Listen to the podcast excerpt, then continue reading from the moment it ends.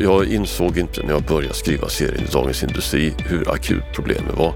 Sen sitter jag och pratar med fyra kommunalråd och jag inser, och sen börjar jag läsa vad som händer i Säffle och i Göinge och allting. Jag inser att det här är ett rejält, stort svenskt samhällspolitiskt problem som har sen naturligtvis rötter rakt ner i Solna, Nacka och Stockholm också. Vi får ju inse att vi är ett land som hänger ihop och att vi inte kan behandla Smedjebacken eller Hällefors för sig utan att det här kommunicerar direkt med situationen i Nacka och Solna.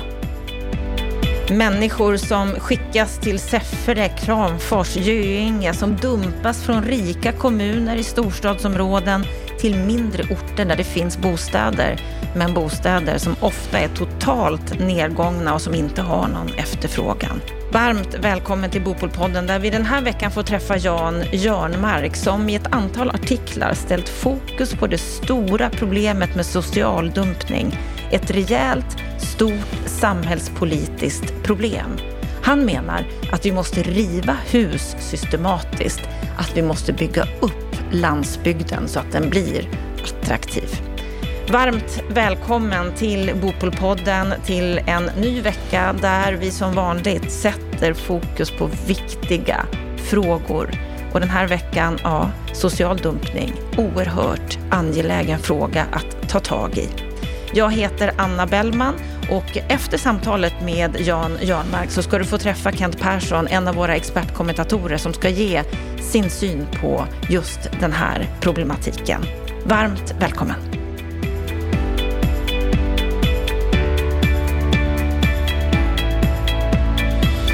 Idag ska vi prata om en brutalt spegelvänd tidsresa. Det är rubriken på en krönika på bostadspolitik.se som vi vill veta mer om. Och den här krönikan den börjar så här. 1975 parkerade de välavlönade fabriksarbetarna i bruksorterna sina nyinköpta Volvobilar vid sina nybyggda villor. Samtidigt kunde man köpa Östermalmsfastigheter som förvandlats till nedgångna bordeller för några få miljoner. Idag är verkligheten brutalt spegelvänd och storstadskommunerna de dumpar sina problem på utflyttningskommuner på glesbygden. Jan Jörnmark beskriver en dyster tidsresa för bruksbygderna på ett brutalt uppvaknande för det svenska samhället. Varmt välkommen till Bopolpodden, Jan Jörnmark. Tack. Vad är din sinnesstämning idag? sinnesstämning? Jag, I motsats till dig, jag är ju, jag är på gott humör för det mesta. Så det, det. Det, det kanske är bra det med tanke på det vi ska prata om idag. Du Jan, du är författare, debattör, ekonomihistoriker, du gör utredningar, föreläsningar och utbildningar om svensk bostadspolitik och olika aspekter av kommunal och samhällsekonomi. Född i Karlstad, bor i Göteborg där du också har varit engagerad och drivande för Demokraterna på kommunal nivå. Ett uppdrag som du lämnar i och med det här valet. Hur ja. kommer det sig att du har engagerat dig i politiken? Ja, det var ju en, en, en märklig historia. Jag, jag kom ju att skriva om segregation och utveckling av bostadsområden och, och kommunal ekonomi i krönikeform i GT och GP och skrev en bok om det där också runt 2013, 14, 15. Och, och, som sagt, jag hamnade ju i kröniker också i Göteborgs-Posten. Av det skälet att jag hade gjort de här fotoböckerna så var jag ju mycket mer känd än en vanlig akademiker. Och, och, jag skrev dessa krönikor och på den tiden så var det väldigt kontroversiellt att skriva om, om segregation och, och hur, hur Göteborg gled isär. Det har blivit mycket vanligare nu, 8-10 år senare. Och, och jag vart ju inte Göteborgs populäraste person direkt. Eh, jag blev, som min fru sa vid något tillfälle, Göteborgs enda oliktänkande. Och, och när då sen den här nya politiska rörelsen satte igång runt ett kommunalråd som Moderaterna hade försökt att sparka ut, då blev jag en av de första som hamnade i det där. Så jag blev ju ofattbart nog då en av de som var med och grundade ett parti. Egentligen var det faktiskt inte min avsikt då att bli så aktiv som jag blev men händelserna gick dit hän och det var väldigt roligt under en tid. Men nu lämnar du, varför då? Politiken är kanske inte... Det finns en, en tröghet i politik och, och eh, en, ja, det, det, det, är processer som tar väldigt lång tid, de är väldigt oklara. Ofta rör det ett steg framåt och två bakåt och sen ytterligare två bakåt. Och någonstans i det där så tänker jag att det finns så mycket att göra och, och, man kan påverka utifrån och så vidare. Och då finns det nog de som är mer tålmodiga än mig och kan fortsätta bedriva politik. Mm. Och påverka, det gör du ju verkligen. Du är ju aktuell, om man får säga så, med en artikelserie i Dagens Industri och har ju också då skrivit den här krönikan på bostadspolitik.se som jag skulle säga nästan sammanfattar de här långa artiklarna i DI. Det blev så. När jag hade skrivit artiklarna i Dagens Industri, det var i precis slutet på juni, så åkte jag på semester i Spanien och, och då fortsatte jag att arbeta mot molnet digitalt med min medarbetare i Göteborg. Vi, vi fortsatte i flera veckor och det kändes som ett nödvändigt och nästan sammanfattare. Och, så att det blev en sorts fristående uppföljare. Det, det, Mm.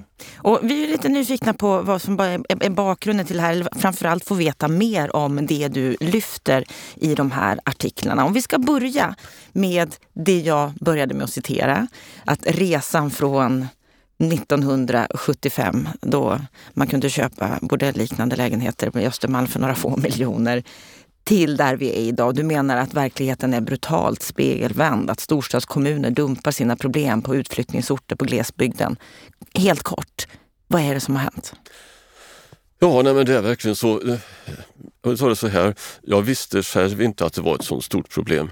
Jag och PM Nilsson pratade om att jag skulle göra två artiklar. Och då började jag med att åka upp och prata med fyra kommunalråd kommunstyrelsens ordförande i Filipstad och Hällefors och oppositionsråden. Och till min förvåning så var det en oerhört jordnära attityd jag mötte. En gräv där du står-attityd och där social dumping och den, effekten av den var i absolut centrum. Det var som att det viktigaste som var nu det var att ta bort lägenheter så fort som möjligt för att, för att stävja någonting som påminde om en snabb färd mot isberget. Alltså.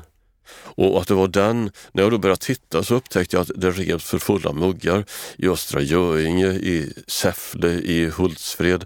Det rivs runt om i Sverige på grund av det här. Och det är alldeles uppenbart då när man tittar lite mer då, att det finns ett jättelikt strukturellt överskott utav flerfamiljshus i Sverige byggda på 60-talet, tidigt 70-tal.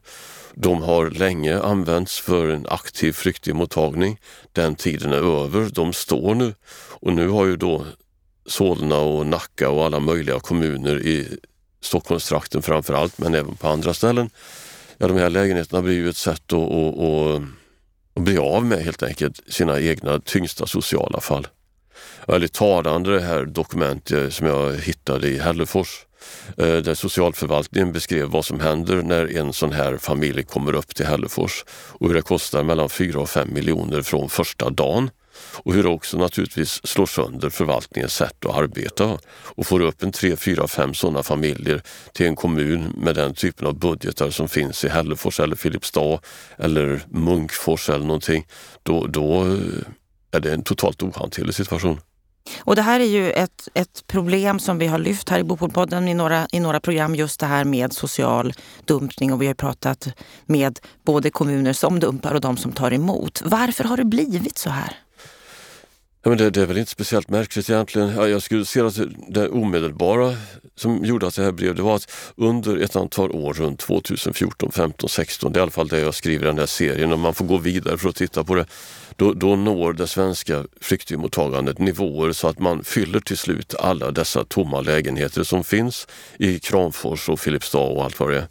Och, och ganska snabbt också så kommer det här att alldeles för länge betraktade väldigt många lokala politiker på sådana här ställen det här med att ta emot flyktingar som klirr i kassan. Det var ett väldigt lättvindigt sätt att hantera det hela. Det visade sig snart att det kostade väldigt mycket pengar också. Och, och då kommer det här med att fördela migrationen över landet. Men det är ju en tvåårsperiod då, som det här med, med och det, det, är ganska självklart att den här tennisbollen kommer tillbaks ifrån den andra sidan nätet. Det, det, det är inget märkligt med det. Vi tog på, ja det är alldeles uppenbart, att Sverige gjorde ett åtagande där 2015-16 som vi, som inte, vi klarar, inte av. klarar av. Det är inget svårare än så. I din artikelserie så jämför du stora delar av den svenska landsbygden idag med Östtyskland på 1990-talet efter decennier av kommunism. Är det verkligen så illa? Ja, men det, det, det är väl det, det, som fanns också i DDR eller i före detta DDR och jag följde den processen på ganska nära håll. Det var ju någonting som kallades för Stadtumbauost och, och där var ju då när Västtyskland, eller ja, när Östtyskland blir en del av Tyskland. Det här var ett jätteproblem därför att det fanns gamla stenkåls, brunkolsstäder och så vidare med enorma mängder tomma lägenheter. Dels därför att folk hade flyttat till väst men också därför att man nybyggde villor i de här orterna i Östtyskland och då flyttade den östtyskarna som nu blev tysk medelklass till villorna. Och så stod det hundratusentals lägenheter tomma. Och, och, man såg också runt 01-02, och det var en del utav att man bestämde sig för Stadtumbau, att när man tog, med, tog emot väldigt mycket migranter i de här områdena. Städer som Goben och allt vad de heter, jag har besökt allihop. Eh, städer som strukturellt påminner mycket om en svensk bruksort. Ja, då blev de sociala motsättningarna stora och det blev knivhuggningar och allt möjligt sånt där. Och, och det man gör då, det är ett radikalt stadsombyggnadsprogram. Kommer du till en stad som Hoyerswerda som var centrum för brunkolsdistrikten som hade 70 000 invånare 2000, 1995. Eh, idag har 25 000 och jag har ju besökt det 2005 och nu. Och det är så ombyggt så du faktiskt, trots att jag brukar tänka att jag har ett bra lokalsinne, man kan inte känna igen sig. Men det är för de som finns kvar idag en ganska attraktiv stad.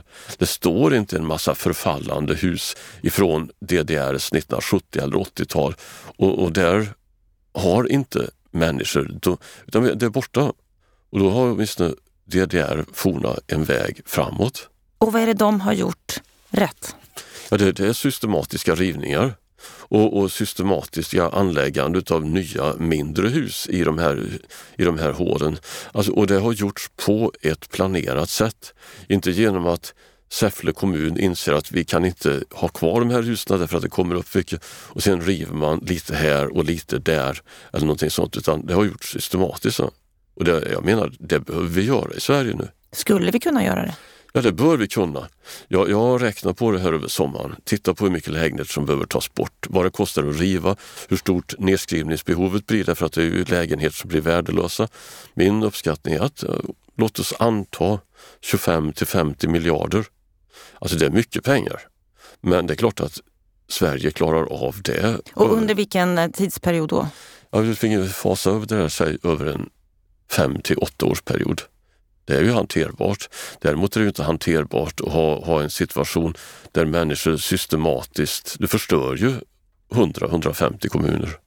Du har ju nämnt det och, och, du säger det nu också, just det här att många glesbygdskommuner de, de river sina miljonprogramsfastigheter för just att slippa ta hand om människor som blir dumpade i deras kommuner för att de inte har möjlighet att, att ta emot vad skulle du säga, hur öppna är man i kommunerna med att det är det här det beror på? Jag skulle säga att man är väldigt öppna. Jag hittade ett jättebra fall när jag gjorde det här. Säffle. Säffle så river de nu för fullt. Två stycken av de fastigheterna som rivs nu, de är byggda 1968. Det är 48 lägenheter i varje fastighet, 3200 kvadratmeter styck. Och eh, då tänkte de först att de skulle sälja ett av husen. Då fick de ett bud på 5 miljoner det vill säga 1400 kronor per kvadrat, 100 000 per lägenhet. Och, och kommunpolitikerna i Säffle insåg ju, och det var en synnerligen öppen debatt runt den sociala dumpningen, att den som köper det här huset, 3200 kvadrat för 5 miljoner, det kommer att vara med all sannolikhet ett dumpningshus. Och man bestämde sig för att ta kostnaden på 7 miljoner för att riva och, och naturligtvis också nedskrivningen av värden och jag är alldeles övertygad om att Säfflepolitikerna gjorde det rätta beslutet. De hade också pratat med sina kollegor, säger de i tidningsintervjuer, i Hagfors och Munkfors. De sa att riv. Men just att det beror på att de ja. inte vill ta emot? Och det sägs ju men, i debatten där i Säffle och på andra ställen så är det just social dumpning, är det ord som återkommer hela tiden. Så det är inget smusslande Nej. eller att man försöker Nej. dölja någonting Nej. utan det finns en öppenhet kring det? Och sen då, de, de, de lokala politiker, då, för det blir ju alltid politiska stridsfrågor det här. Och de lokala politiker som säger att vi ska spara husen för det är billiga lägenheter. De här husen är då i ett skick som inte liknar någonting, de är helt nedgångna. Och, och våra Säffle-ungdomar, jag kan inte förstå vad de politikerna lever i för någon verklighet. Därför att Säffle-ungdomar har valt bort de lägenheterna sedan 1968 eller åtminstone sedan 1988. Så det här borde ha gjorts för länge sedan? Ja. Och nu då, för att göra det här på ett bra sätt, vad behöver kommunpolitikerna tänka på? Ja, det, det, kommunpolitikerna behöver och senast idag såg jag, jag såg ett inslag på TV4-nyheterna och jag fick det sen skickat här idag. Eh, det är kommunpolitiker i Filipstad som vill ha statligt stöd för att riva, egentligen för att bygga om. Ja, det, det behövs ett nationellt program. Och, och där tror jag att kommunpolitiker i oerhört många kommuner kommer att vilja vara med idag. För det här är ju någonting som är lite exceptionellt. Vi pratar ju väldigt mycket nu om bostadsbristen. Ja. Att vi behöver mer bostäder och vi behöver mer billiga bostäder. Hur lierar det resonemanget med det här?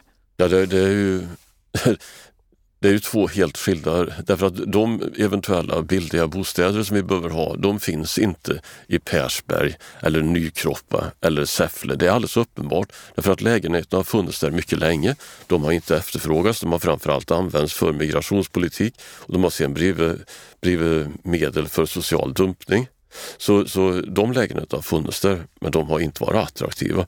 En del av detta också, det är ju att och det var ju det jag skrev om i bostadspolitik.se. Där hade vi tagit fram för de här 12 kommunerna som följde med genom hela DI-serien hur villapriserna hade utvecklats. Och villapriserna i de här i den typen av kommuner har ju varit synnerligen låga ända sedan tidigt 1990-tal. Och jämför man kostnaden att bo i en villa med att bo även i en billig lägenhet, hur man än räknar så har det varit billigare för en familj, betydligt billigare till och med, att bo i en villa än i en billig hyreslägenhet.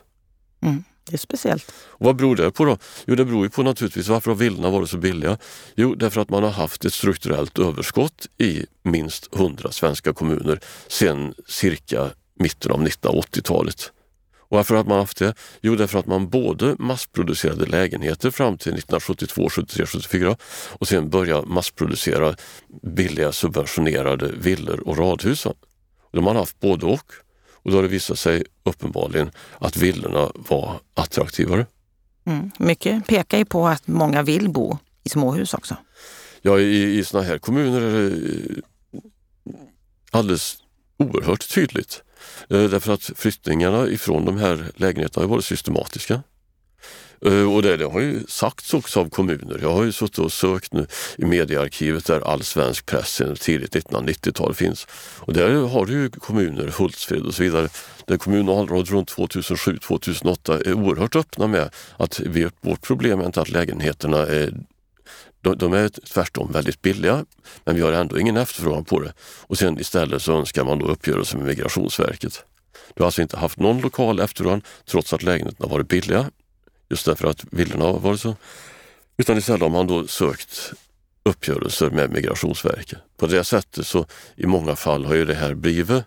Det fanns i Värmland vet jag ett uttryck som jag kom att höra när jag var på en konferens för några år sedan om en kommun som hade gjort affärer på den allmännyttan genom att man i det här fallet hade först fått ersättning för det som kallas för bostadsakuten till att ta bort lägenheter från, den, ja, från hyresmarknaden. Det uppfattas som att man skulle riva. Men den här kommunen hade då fått ersättning för att ta bort. Istället så hade de kommunerna gått till Migrationsverket. Då var de borta från marknaden. Och, och ja, Det var det de menade med att göra, som de sa i Värmland, göra affärer med de tomma lägenheterna. Och då har det blivit ett sätt att, att bygga den kommunala ekonomin alltså, som nu har slagit tillbaks oerhört hårt. Alltså. När du har analyserat det här så säger du att det finns fyra intimt sammanhängande delar. Dels att arbetsmarknaden har varit väldigt svag sedan länge i de här kommunerna. Att befolkningsutvecklingen har utvecklats ännu svagare. Att glesbygdspolitikerna fastnat i lösningar i form av illa genomtänkta projekt som att man vill sätta kommunen på kartan och skapa jobb. Och sen slutligen då det du har beskrivit här nu, att de många tomma lägenheterna används som en tillgång i migrationspolitiken. Ja, att det hänger väldigt nära ihop med arbetsmarknaden, befolkningsutvecklingen. Ja, det här är ju kommuner som under, åtminstone från 80-talet, eh, den här stora ekonomiska krisen som är i Sverige i början på 90-talet är ju central i det hela. Eh, för då, även om den stora arbetsgivaren ofta blir kvar, stålverk eller pappersbruk eller något sånt där, så, så är det ju med en oerhört mycket lägre sysselsättning och högre produktivitet än tidigare. Och de arbetstillfällen som finns, alltså det är automatiserat det, det, och några nya dyker inte upp. Och då viker befolkningsutvecklingen. Fast det har den faktiskt gjort tidigare också. Det tycks ju vara som, det här är ju ett område som skulle förtjäna och skulle ha förtjänat mer forskning tidigare. Men det verkar som att från det att bilismen slår igenom så börjar befolkningen att vika i de här kommunerna. Men, och sen viker då arbetsmarknaden kraftfullt tidigt 90-tal.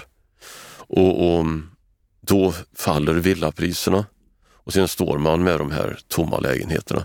Och sen letar man efter projekt. Finns det någonting som där EU eller staten eller någonting kan skicka in 20 eller 50 eller 100 eller 200 miljoner och skapa arbetstillfällen? Kan vi inte bli ett internationellt designcentrum här mitt i Bergslagen? Och, och, och märks när man då går tillbaks i mediearkivet och det, det hyllas ju nästan alltid den här typen av projekt. Det här ska ta in glesbygden i nästan en Södermalm-liknande tillvaro. Det blir ju inte så. Det blir inte så. Du gillar inte de projekten? Nej, men det gillar inte. Det jag skriver om del två i DI-serien, det är bara att titta vad som hände. Om man, om man tittar på det här exemplet som du nämnde i Östtyskland, då, när man river strukturerat, man bygger nya hus som folk vill ha. Går det att vända? Skulle vi kunna vända utvecklingen i de här glesbygdskommunerna? som jag sa till i början, jag är ju nästan alltid positiv fast det är inte någon som tror det. Det är klart det går att vända det. Men, men då kan du inte befinna dig i någon drömtillvaro där du blir ett internationellt designcentrum och, och promenerar runt på vattnet. Du får gräva där du står. Du säger så här att ska problematiken lösas på sikt är det helheten som behöver angripas. Ja, det är alldeles uppenbart. Och, och då behöver du se, som, som det är nu, det finns alldeles uppenbart en stark, en stark återindustrialiseringstrend. Det, det finns starka mindre företag. Senast igår pratade jag med en, en väldigt, väldigt framgångsrik ny företagare, medelstor, och han pratade om deras jättebra produktionsanläggning i Årgäng har en annan god vän så, som, de har en fantastisk produktionsanläggning i Torsby. Sen fick jag ögonen på det där när jag gjorde ett arbete om ett företag i, i, i Gnosjö som tillverkar sådana verkar på ytan en väldigt enkel produkt men, men som tvärtom har kommit att växa kraftigt i Sverige och, och under de sista 10-15 åren. Det finns gott om sådana exempel. Och, och den trenden det finns ingenting som säger att inte den skulle fortsätta bli starkare de närmsta åren. Och det är utav goda ekonomiska skäl. Därför att det har visat sig dyrt att bli så beroende av de här försörjningslinjerna som vi har haft. Men, men, om vi då ska anlägga nya industrier eller stärka de industrierna, i, ja då behöver ju det här bli attraktiva orter och inte centrum för social dumpning.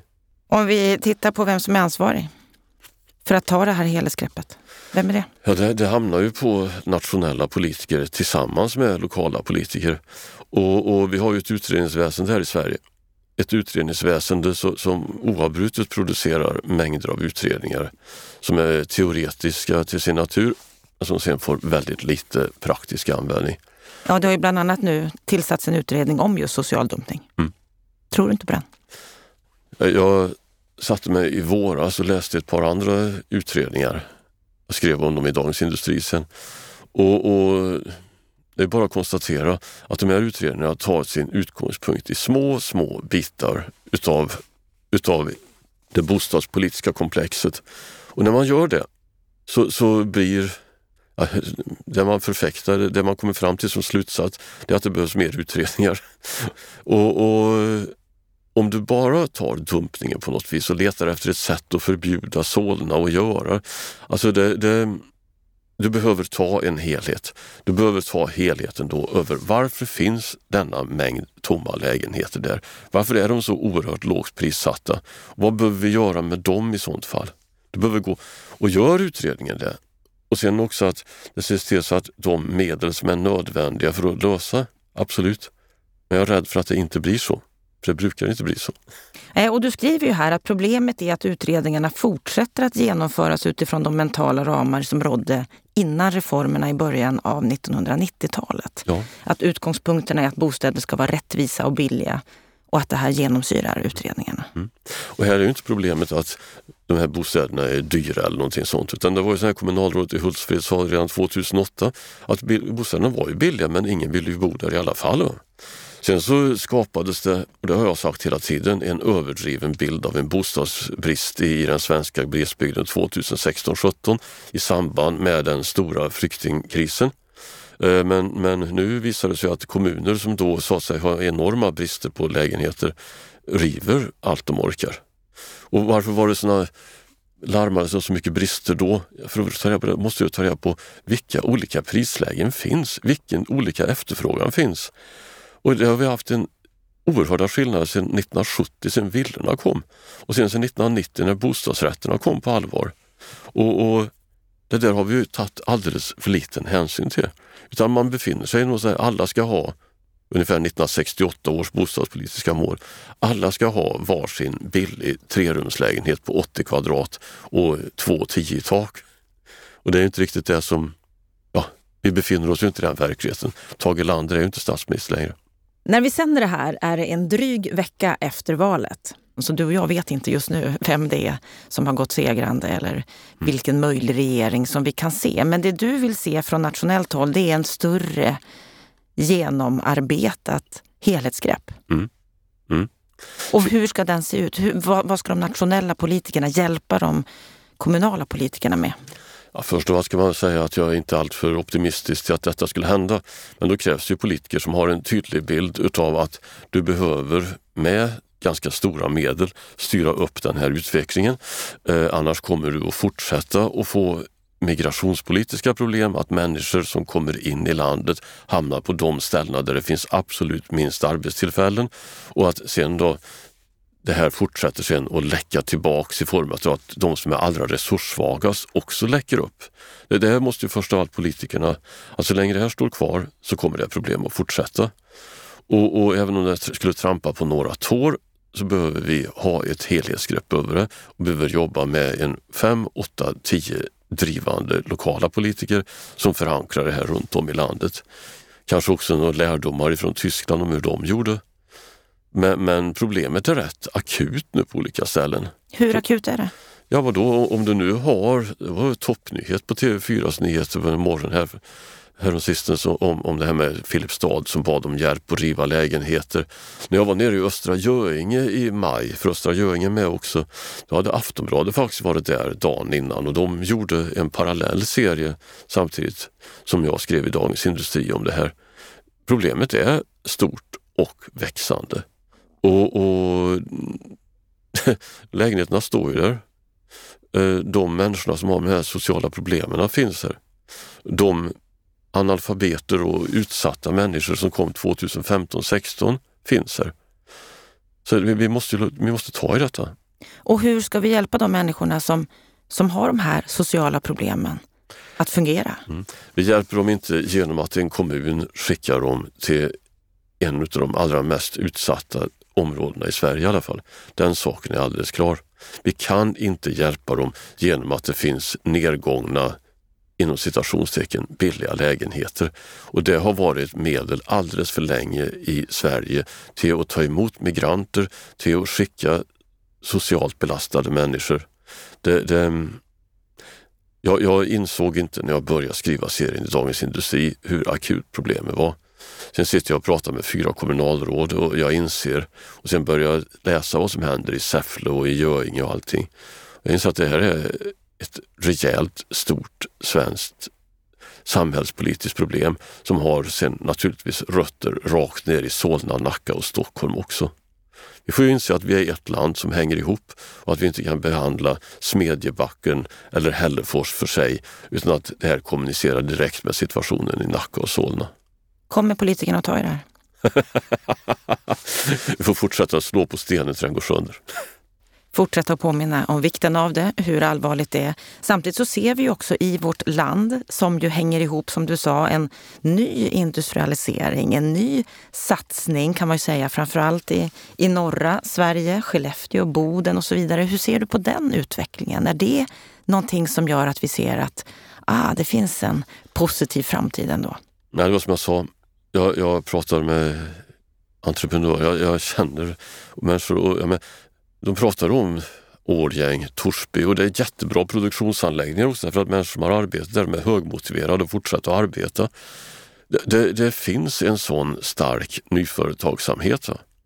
Eh, det finns de här jättelika satsningarna i Norrland också, men jag tänker faktiskt mer på de som redan nu är existerande i den mindre mellanstora industrin i den ja, mellersta Sverige som man säger om Bergslagen eller södra Norrland. Det, det, det finns redan. Men, men, om det ska göras i samhällen som är stenhårt belastade och har centrum som ser ut som att eh, trasiga varianter av Detroit, ja, men då kommer människor inte att bo där i alla fall. Utan då pendlar man ju in ifrån någon närliggande ort. Det behövs attraktivare städer i småorten, glesbygden. Och nu har vi en ny politisk situation i vårt land. Vi får skicka med det här. Vi får fortsätta att slå på stenen och säga att det här är ett växande problem om inte någonting görs. Ja. Var det bra sammanfattat? Ytterst bra. Ja, då säger vi så. Stort tack för att du kom och delade det här och jag är övertygad om att vi kommer att fortsätta att kunna läsa dina krönikor och artiklar i området. Stort tack Jan Jörnmark. Tack.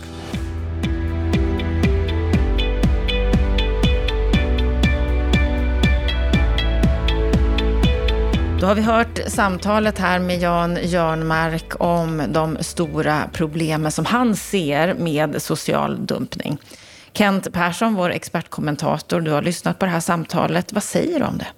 Alltid lika spännande att lyssna på Jörnmark. Eh, och han pekar ju på, på ett eh, för Sverige ganska stort problem som har byggts upp under lång tid och som kommer sannolikt ta väldigt lång tid eh, att lösa. Vi pratar om att vi har eh, eh, egentligen problem med fördelningen av bostäder i det här landet. I våra stora tillväxtorter är det brist, men i övriga landet är det överskott. Vi har ett problem med vart ska människor bo? Hur ska de ha råd med sitt boende? Och också konflikten stad-land. Så att han är på ganska många delar som, som jag tycker att svensk politik behöver börja faktiskt ta tag i. Och här är det ju lätt att vi bara pratar bostadsbrist. Det är ju det som basuneras ut i tid och otid hela tiden. Att vi behöver riva så här pass mycket bostäder. Är det ingen som ser det? Jo, jag tror att man ser det och framförallt på lokal nivå. Men man ska också komma ihåg om vi zoomar ut och tittar lite grann att, eh, hur det har gått under de här åren.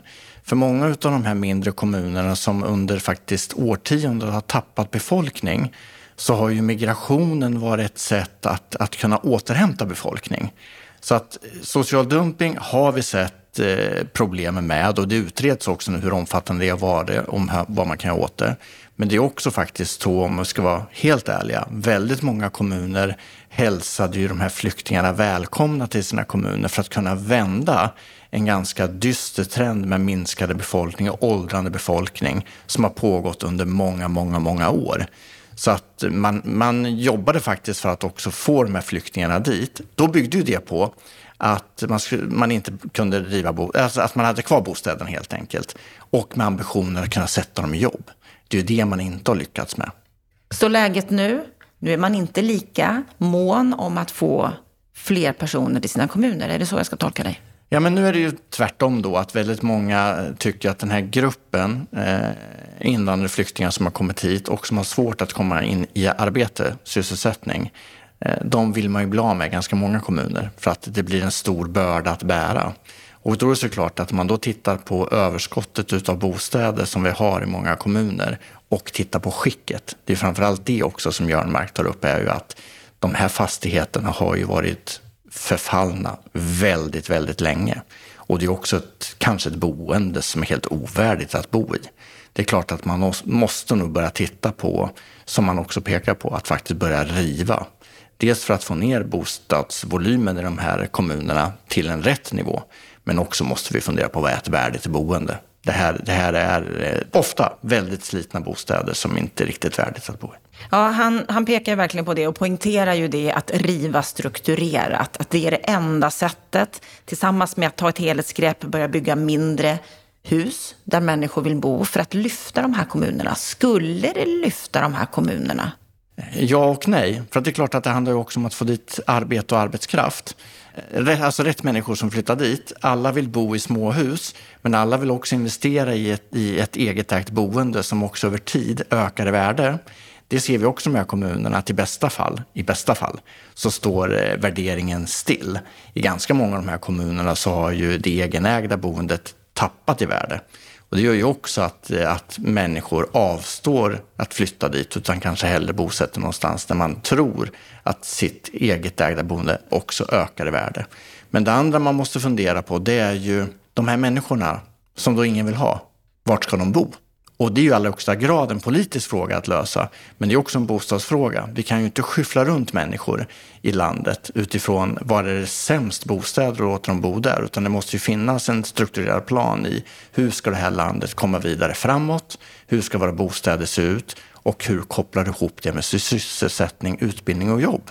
Och den biten har man pratat för lite om i det här landet och inte löst. Det här är ju ingenting som det känns som att politikerna är på eller de som styr på varken kommunal eller nationell nivå.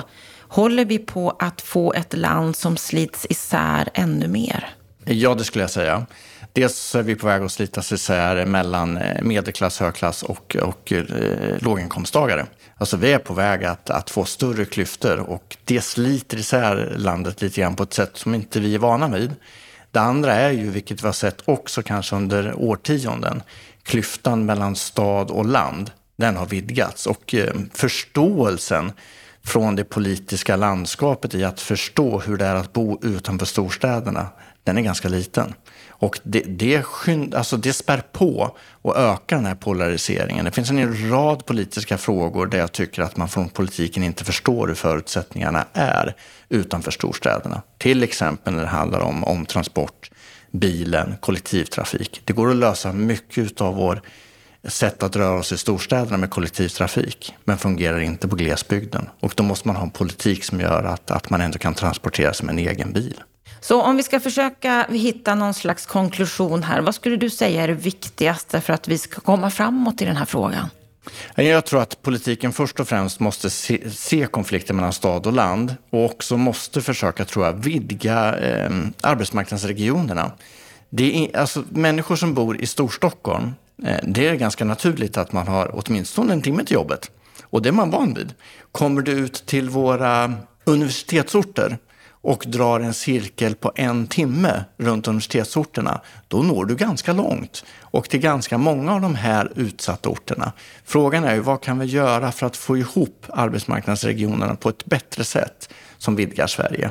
Sen måste man nog ta tag i eh, det här med de här bostäderna som nu står och förfaller. Och vems ansvar blir det? Eh, Jag tyvärr tror att staten måste ta det ansvaret och politiken. För de här eh, fastighetsägarna själva kommer inte göra det och kommunerna har inte resurser till att lösa in och riva. Utan här måste det krävas en statlig politik. Och nu är vi i ett läge med ett val som har ägt rum. Det har skett maktskiften på, på många håll och kanter i vårt land. Är det här en fråga som prioriteras just nu? Nej, det kommer det inte göra. Av det enkla skälet att de här frågorna vi pratar om nu, eh, det är ganska stora investeringar som behövs. Det är strukturella reformer som behövs och det krävs en långsiktighet. Det här kanske tar tio år innan du börjar se resultat. Och i den här valrörelsen har vi sett att det har ju handlat snarare om vad vi kan göra imorgon. Alltså kortsiktigheten i politiken idag hänger inte ihop med de samhällsproblem som vi måste lösa. Och därför kommer den här frågan inte vara prioriterad. Inte så upplyftande avslutning från dig Kent, men dessvärre en verklighet förmodligen och någonting som vi kommer försöka påverka här i Bopolpodden och på bostadspolitik.se. Och till den sajten hoppas jag att du går om du vill förkovra dig mer. Där tar vi upp allt som skrivs och sägs och debatteras i branschen. Där kan du också anteckna dig för det nyhetsbrev som kommer ut varje fredag med det senaste som har hänt under veckan. Bland annat så kommer det alltid ett nytt avsnitt av veckans Aktuellt från oss på Bopolpodden. Så på fredag hoppas jag att vi hörs igen. Fram tills dess, ha en fin vecka.